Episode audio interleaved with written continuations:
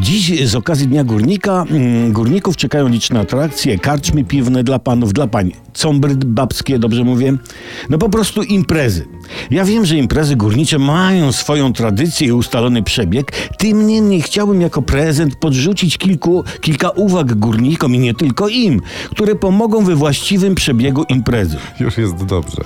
Uwagi wstępne, czyli budowa imprezy. Impreza składa się z sali imprezy, stołów i krzeseł, produktów spożywczych, w tym alkoholu, który też jest produktem spożywczym, uczestników imprezy, czyli tam górników i górniczyń i, i tam innych, oraz z czasu trwania imprezy się składa. Warto też sporządzić, słuchajcie, regulamin imprezy, co pomoże uczestnikom prawidłowo ją przeżyć. Oto kilka sugerowanych punktów. Na imprezę górniczą wstęp mają tylko osoby uprawnione oraz te, którym uda się prześlizgnąć. Uczestnik imprezy ma obowiązek stosować się do zaleceń organizatora, chyba że ten postanowi inaczej albo pójdzie do domu.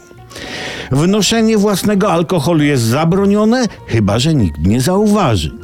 Nie wolno machać nogami pod stołem, tam też mogą przebywać inni uczestnicy imprezy.